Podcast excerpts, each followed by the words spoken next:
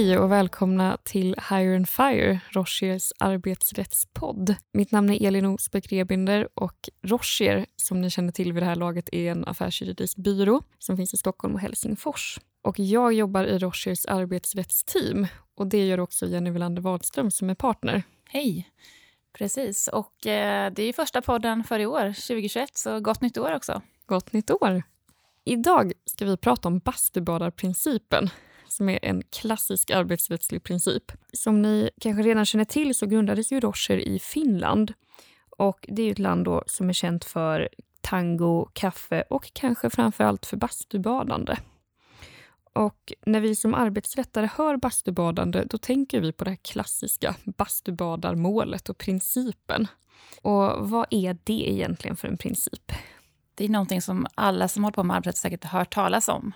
Men det kan ju falla i glömska vad den egentligen handlar om. Och eh, i korthet då så handlar den om hur man kan begränsa arbetsgivarens rätt att eh, omplacera en anställd.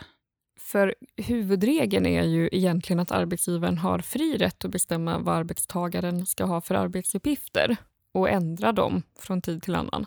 Men här så finns det ett undantag från det. Och Vad är det egentligen för undantag och hur stort är undantaget? Och vad har det att göra med bastubadande kan man undra? Det kan man.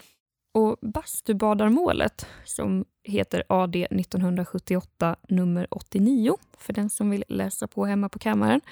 Eh, det handlade om en arbetstagare som var anställd som sulfitoperatör i processindustrin. Och den här personens uppgifter de var att övervaka en ångpanna. Men den här mannen, som vi kan kalla för bastubadaren, han blev påkommen med att bada bastu på arbetstid. Och arbetsgivaren blev inte så glad, kan man anta. Så att arbetsgivaren omplacerade honom till okvalificerade arbetsuppgifter. Och det kan man anta att han inte blev så glad över, för han och hans fackförbund drev en tvist mot arbetsgivaren om de här förändrade arbetsuppgifterna. Men det låter ju som att eh, det var ganska oansvarigt för den här personen att eh, lämna sin vaktpost. Precis, man kan svårligen övervaka en ångpanna från bastun. Och då kan man undra varför eh, sa inte arbetsgivaren upp personen istället? Verkligen. Det vet jag faktiskt inte. Kan det ha att göra med att eh, det kändes för riskabelt kanske? Precis. Och här får vi då en lite större kontext för att som ni ju känner till så finns det i Sverige en regel om att man för att säga upp en anställning måste ha saklig grund. Saklig grundkravet. Och så pratas det också ofta om att det kan vara väldigt svårt att veta om man har personliga skäl eller vissa säger till och med lite spetsigt att det inte finns personliga skäl. Men om man tycker att det är svårt att veta vad som är personliga skäl, då kanske man bestämmer för att okej, okay, arbetstagaren får vara kvar, men vi ändrar arbetsuppgifterna istället för att det kan få nästan samma effekt som att säga upp någon. Man tar i alla fall bort det här ansvaret eller arbetsuppgifterna eller arbetsledningen eller vad det kan vara. Mm. Och då kan man ju fundera på om man då som arbetsgivare får fritt, som är huvudregeln, ändra arbetstagarens uppgifter. Eller om det finns några gränser för det. Jag tänkte också på det att eh, omplacering är också ett krav ju, eh, för att man ska ha saklig grund av personliga skäl. Om det går att omplacera någon så ska man göra det som ett första led. Man ska försöka göra allt eh, för att eh, det ska fungera eh, innan man tar beslutet att säga upp någon. Det hänger ju ihop med kravet på saklig grund. Mm. Men i det här fallet eh, så misstänkte man att det handlade mer om en slags bestraffning. Att eh, när personen skulle få så pass eh, okvalificerade uppgifter framöver. Och när man då tittar på en omplacering, då kan man fundera på, har man gjort den just för att eh, försäkra sig om att man har gjort allt för att ha saklig grund för en uppsägning, eh, eventuellt. Eller om man gör det av andra skäl. Och Det är de där andra skälen vi är nyfikna på. Har det bestraffande skäl eller är det för att den anställde kanske till och med ska säga upp sig själv eh, för att man blir så besviken på sina nya uppgifter eller lönevillkor? Alltså arbetsgivaren har ju en eh, långtgående rätt att bestämma hur arbetet ska drivas och också då inom ramen för en viss persons anställning bestämma vad personen ska göra på dagarna. Men här menar man att det finns en gräns för hur långt eh, från den anställde gjorde tidigare som man kan gå då. Om det är en väldigt långtgående omplacering. Och vilket i någon mån knyter oss tillbaka till då kravet på saklig grund. Och om omplaceringen nästan är som en uppsägning, men inte riktigt, då ska man kunna överpröva det trots att utgångspunkten är att man inte kan det. Och nu förstår vi ju att ni sitter på änden på stolen och är nyfikna. Vad är då bastubada-principen? Hur lyder den? Vad var det vi fick reda på från eh, bastubadarmålet? Förutom att man inte får bada bastu på arbetstid. Exakt. Bada inte bastu på arbetstid om ni inte kan övervaka er dator, ångpanna, telefon, vad det nu är. Men vid en omplacering på grund av skäl som är hänförliga till arbetstagaren personligen, alltså inte en större omorganisering eller så, och den omplaceringen får särskilt ingripande verkningar med hänsyn till arbetsuppgifter, anställningsförmåner och anställningsförhållandet i övrigt.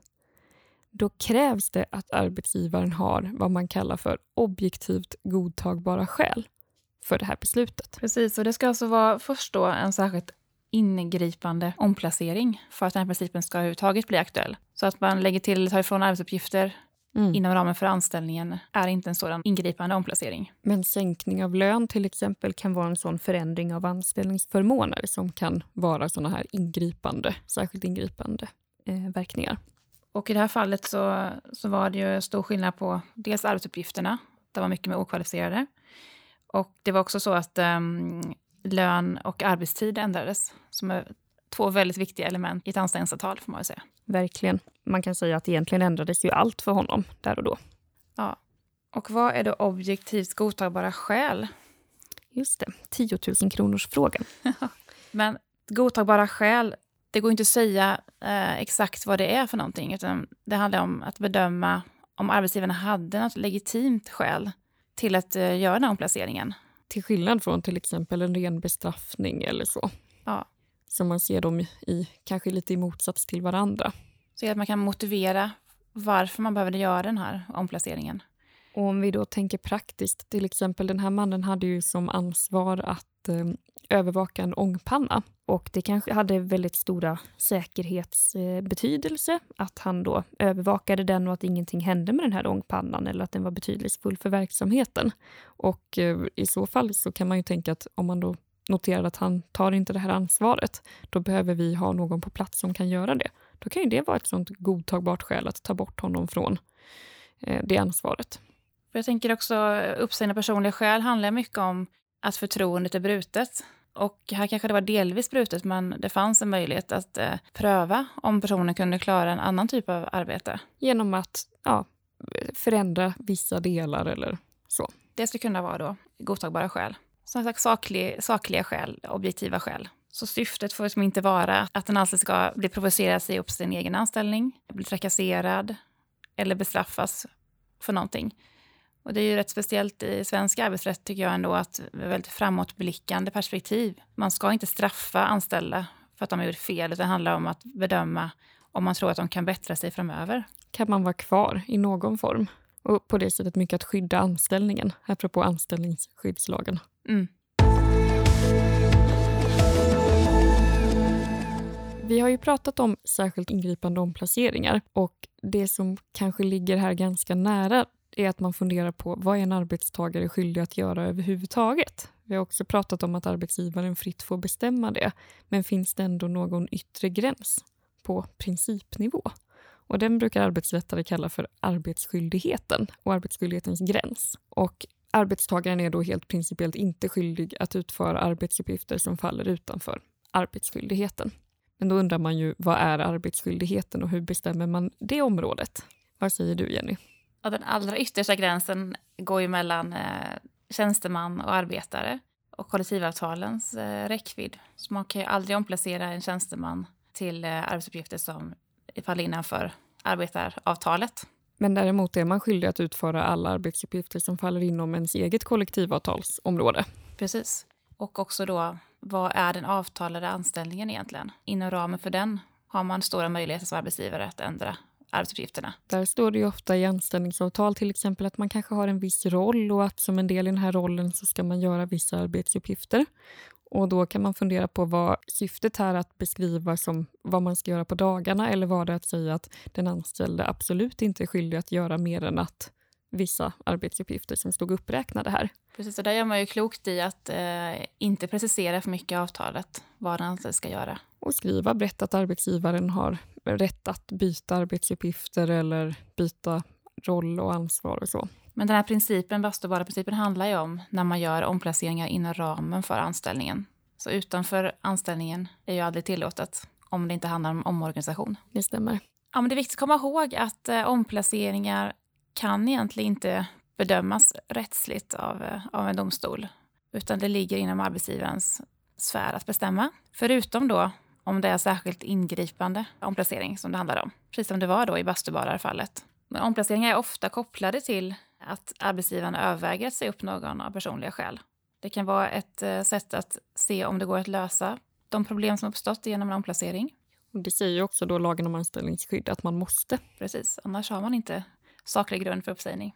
Men om man då löper linan ut och säger upp, då är det kravet på saklig grund som Precis. man prövas mot. Mm. Men det är också ett nyckelbegrepp även när vi tänker på andra åtgärder. För att om man då gör en för långtgående omplacering så är det i slutändan saklig grund som det här kan prövas mot. Om man så att säga menar att omplaceringen var ett skiljande från anställningen. Så det var som att den anställde blev uppsagd. Så arbetsgivaren kanske väljer omplacering för att man inte riktigt känner att man har grund för uppsägning. Eller att det är för riskabelt med hänsyn till bevisning och så vidare. Men tar man i för hårt då och omplacerar personen allt för långtgående så kan man ändå hamna i samma konsekvenser som att man hade sagt upp av personliga skäl. Och i en ytterligare aspekt av det här som vi har nämnt innan med disciplinära åtgärder och även eh, någonting som kallas för provocerad uppsägning, att man vidtar en åtgärd som har till syfte att den anställde ska säga upp sig själv, då kan man också bedömas mot kravet på saklig grund genom att om den anställde då säger upp sig och det var en provocerad uppsägning så kan man bedöma om arbetsgivaren hade haft saklig grund för uppsägning om den hade fattat beslutet. För då ses det som en uppsägning från arbetsgivarens sida. Och då måste man ha haft eh, saklig grund för att man ska drabbas av de stora skadestånd som man gör annars.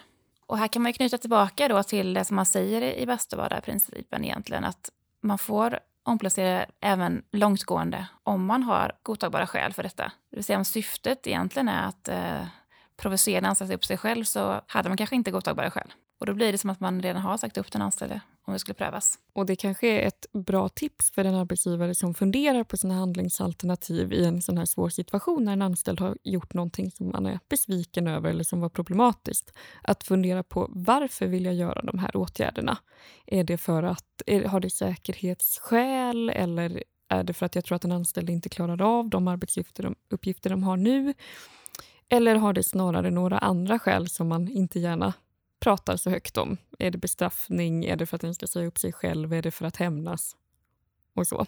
Och om man har de skälen i botten så kanske det är svårare att förklara sina objektivt godtagbara skäl.